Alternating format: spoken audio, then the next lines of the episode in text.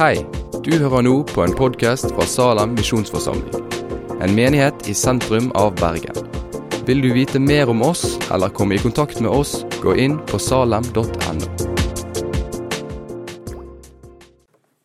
Det er så kjekt å være her i Salem. Det er noen år siden sist, og det å få liksom friske opp uh, vennskap og kjenne det dype åndelige fellesskapet, det, det gjør veldig godt. Det, det, gjør det. Vi er jo så heldige at vi har venner mange plasser i landet, men det er sjelden vi treffer dem. For vi er litt trege å få ut på møter når det blir litt langt unna. Det er liksom Oppland som er vårt eh, prestegjeld, slik det fungerer nå. Men nå skal vi lese sammen teksten for denne søndagen, som er fra Johannesevangeliet kapittel 11. Det var en mann som var syk. Lasarus fra Betania, byen som Maria og hennes søster Martha bodde i.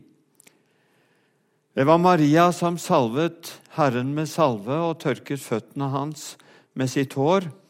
Det var hennes bror Lasarus som var syk. Søstrene sendte da bud til han og sa, 'Herre, se han som du elsker, er syk.' Men da Jesus hørte det, sa han, 'Denne sykdommen er ikke til døden, men til Guds ære.' For at Guds sønn skal bli æret ved den. Jesus, Jesus elsket Martha og hennes søster og Lasarus. Vi tar med vers 6 også. Da han nå hørte at han var syk, ble han likevel enda to dager på det stedet der han var. Amen. Jeg syns den teksten var litt vrien, jeg. Eh, og ikke bare enkel um, å skulle si noe om. Men bønnen fra disse søstrene bar med seg vissheten om å være elsket av Jesus. Se, han som du elsker, er syk. Det var det budet som de sendte til Jesus. Sikkert med masse forventninger om at han skulle komme i ekspressfart, og at Lasarus skulle bli frisk og ved god helse igjen. Men så står det altså av alle ting at Jesus enda ble to dager på det stedet der han var. Og jeg kan tenke meg at disse to søstrene de hadde noen vonde dager da de ikke kunne begripe hvorfor Jesus, som var personlig venn med dem, ikke kom med en gang. Det var jo ikke så langt til Betania. Men Jesus drøyer, og han svarer ikke på søstrenes bønn slik som de hadde tenkt det. Gåtefullt, smertefullt eh, og veldig uforståelig. Men det står altså to ganger at Jesus elsket Lasarus og disse to søstrene. Eh, og det er vi nødt til å si litt om. For eh, slik er det når det gjelder Jesu forhold til oss alle sammen. Og den kjærligheten som Bibelen taler om når eh, det er snakk, når det er snakk om slike ting, det er for det første en utvelgende kjærlighet. Gud valgte seg et folk blant alle folkene. Eh, det står i 5. Mosebok at det var ikke, det, ikke noe stort folk. Det var det minste blant alle folkene. Og det var ikke på grunn av deres rettferdige gjerninger at han gjorde det, men han gjorde det fordi han elsket dette folket. Han elsket folket fordi han elsket folket. Altså, kjærligheten har sin årsak i Han som elsker, og ikke i den som er elsket. Det er poenget. For mitt eget navns skyld står det mange ganger i Det gamle testamentet om Guds godhet mot Israel. Og så var det fordi han hadde gitt løfter til Abraham og Isak og Jakob, som han ville være trofast mot. Men Gud elsker for sitt eget navns skyld. Du skal slippe å leite i deg selv etter årsaker til at du skal være elskverdig. Det er ikke så lett å finne. Det er én sak, og det er ikke nødvendig. Fordi Gud elsker deg uavhengig av det for sitt eget navns skyld. Og så er det det der med at kjærligheten fra Gud er betingelsesløs. Vi vil jo helst at eh, folk skal oppføre seg sånn noenlunde mot oss for å bli elsket. Men Guds kjærlighet er en betingelsesløs kjærlighet. Jeg kom plutselig på en litt sånn dum historie som jeg bare må fortelle fra min eh, barndom, eh, som har med det å gjøre. Jeg var i min barndom bilgal. Og jeg hadde en far som var meget liberal når det gjaldt det der å eh, lære opp barn til å kjøre eh, skikkelig bil. Jeg satt på fanget hans og styrte og girte og, og sånn altfor tidlig. Det er nesten uh, utrolig. Men uh, jeg visste hvordan det fungerte. Og da jeg hadde skoleferie om høsten et år, omtrent ni år gammel, så fikk jeg være med far på øvelse. Far var offiser, og mm, det syns jeg var veldig stas. Men eh, av og til kunne være litt kjedelig. De hadde skyteøvelse, og de drev på der oppe på skytebanen. Og jeg gikk og rusla og så på det, alt dette utstyret som de hadde nede i leiren. Og blant annet så var det en, en sånn jeep som Norge fikk utrolig mange av i Marshallhjelpen etter krigen, som heter Willys jeep. En bitte liten fireseter som fire mann kunne løfte hvis det var behov for det. Og det var absolutt det maksimale som jeg kunne tenke meg av et teknisk vidunder. Og jeg, jeg sto og så og så, og plutselig så satt jeg eh, i førersetet. Og plutselig så starta motoren. Og plutselig så var jeg ute på veien og kjørte. Det var bare sånn. Sånn var jeg, og er blitt litt bedre. Men det endte ikke bedre enn at jeg kjørte i grøfta. Og det kom noen eh, soldater til som eh, rapporterte til far. Dårlig gjort. Um, og far kom. Uh, og han fikk fire mann til å løfte bilen opp på, på, veien.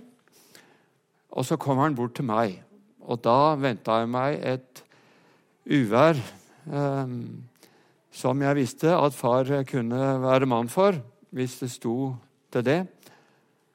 Men da så han på meg med et sånt skøyeraktig, varmt blikk. Du, nå er vi ferdig med det. Men du gjør ikke om igjen. Og jeg kan den dag i dag rekapitulere den lettelsen og takknemligheten som jeg kjente. Jeg fikk ikke lyst til å gjøre det om igjen. Men han sa at vi var ferdig med det. Og da jeg eh, prøvde å bringe det eh, temaet på banen seinere i livet, så var det helt konsekvent. Egil, vi er ferdig med den. Det, det har litt med betingelsesløs kjærlighet å gjøre. Det er ikke alle mennesker som får vokse opp i et hjem der mor og far viser betingelsesløs kjærlighet. Men vi har en Gud som elsker på den måten. Som kjenner nederlagene mine, hvert eneste ett av dem. Men han elsker betingelsesløst. Det er ikke noe betingelse at jeg skal bli slik og slik før jeg blir gjenstand for hans kjærlighet. Og så er det en trofast, evig kjærlighet. Den faller aldri bort, står det i, eh, i 1. Korinterbrev 13. Jeg er glad jeg har fått lov til å leve så mange år og til stadighet har blitt berørt av kjærligheten fra ham. Det hadde de opplevd også i Betania.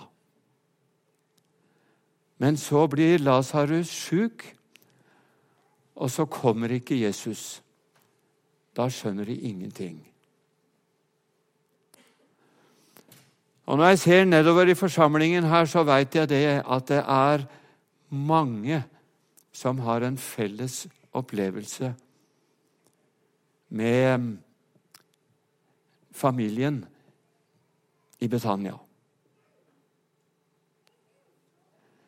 Eh, jeg har opplevd noen ganger, jeg også, det der med sykdom.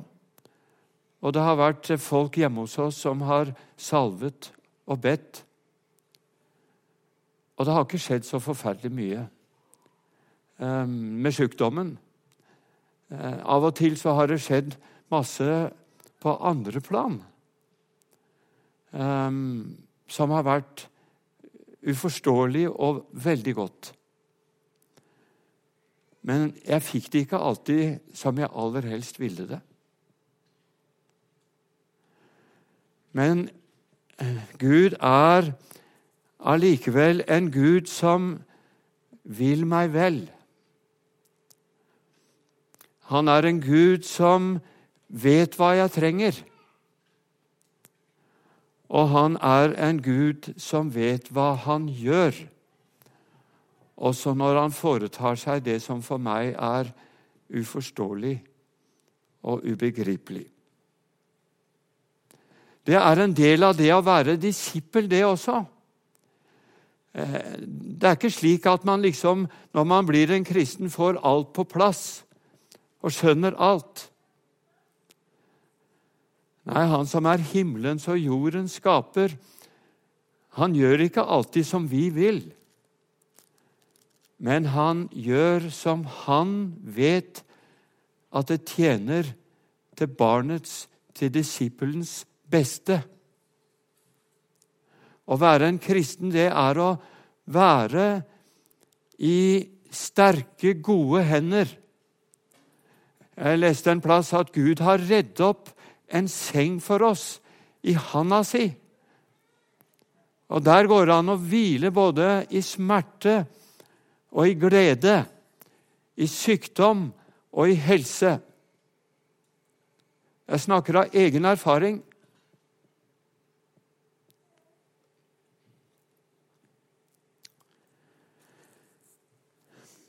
Jeg tenker meg at Gud veit hva han gjør. Han er ikke en som liksom bare har ansvar for alt det som er ønskelig og godt og behagelig i livet mitt. Men han er også en som tar ansvar for å tillate at det kommer inn noe som slettes ikke er behagelig, og som kan være dypt smertefullt og uforståelig. Slik er han. Men han vil meg vel, og han vet hva jeg trenger, og han vet hva han gjør, og hva han tillater at kommer inn i barnets liv. Han er den siste ansvarlige også for det som har med smerten i livet mitt å gjøre. Djevelen, han er eh, Guds lenkehund, sier eh, Martin Luther. Og vi som driver med hunder, vi veit hva det vil si. Altså, når hunden er i kobbelet, så er det så langt og ikke lenger. Slik har djevelen det også. Og så veit vi at teksten om Lasarus det er en tekst der Jesus kommer til Betania omsider, og Lasarus har ligget i graven fire dager. Og det var mange spørsmål. Hvorfor var du ikke her? Så husker vi Jesu ord. Jeg er oppstandelsen og livet. Og vi husker tårene til Jesus ved graven.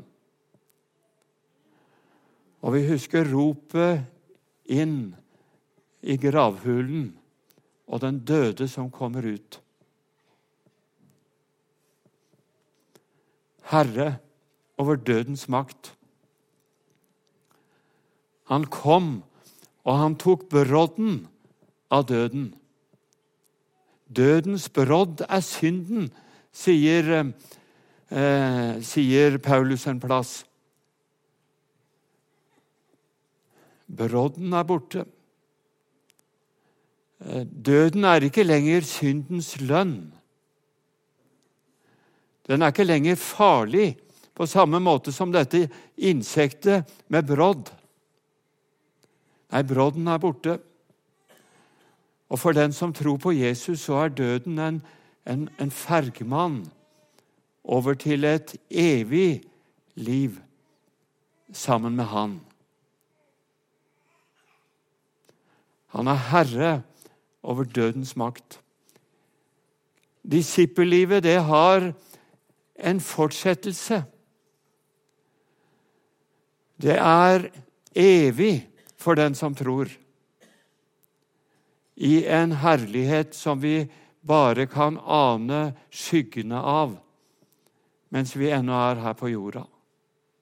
Men han har noe i vente for oss som er uendelig stort.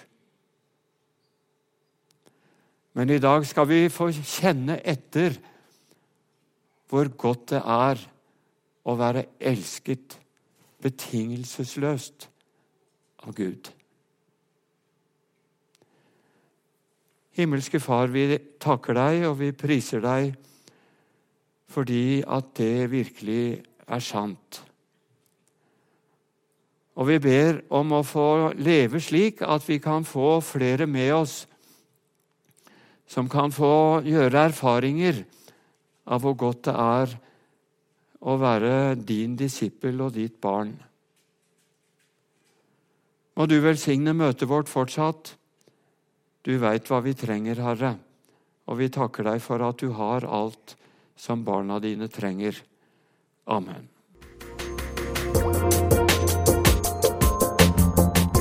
Takk for at du har hørt på podkasten fra Salem, Bergen. I Salem vil vi vokse i et stadig dypere fellesskap med Gud og med hverandre. Vi vil være Jesu hender og føtter, og vi vil være med å forkynne frelse for Bergen og resten av verden. Besøk oss gjerne på salem.no om du vil vite mer.